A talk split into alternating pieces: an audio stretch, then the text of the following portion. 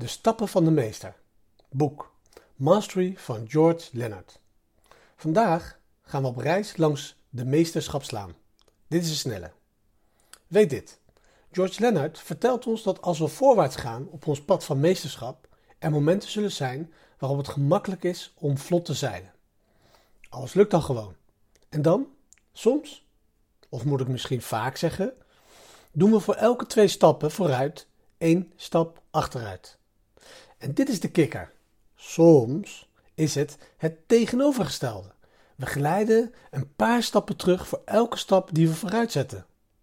Het is op die onmisbare momenten waarop we het meest kwetsbaar zijn om op te geven en het pad van de meesterschap te verlaten en ons favoriete alternatief op te zoeken. Dit is de deal.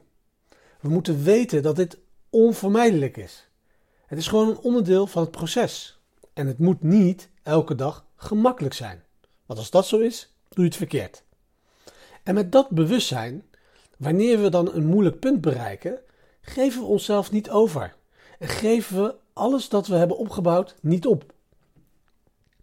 We benaderen deze situaties als een professionele golfer die weet dat ze elke ronde een x aantal slechte slagen zullen slaan.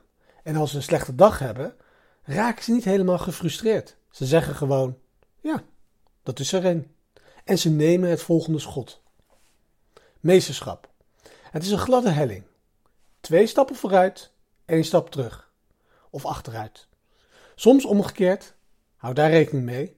Met de volgende keer als je een beetje terugschrijft. Stof jezelf dan gewoon af en bewonder dan de mooie schaafwond op je knie. En ga dan weer gewoon aan het werk.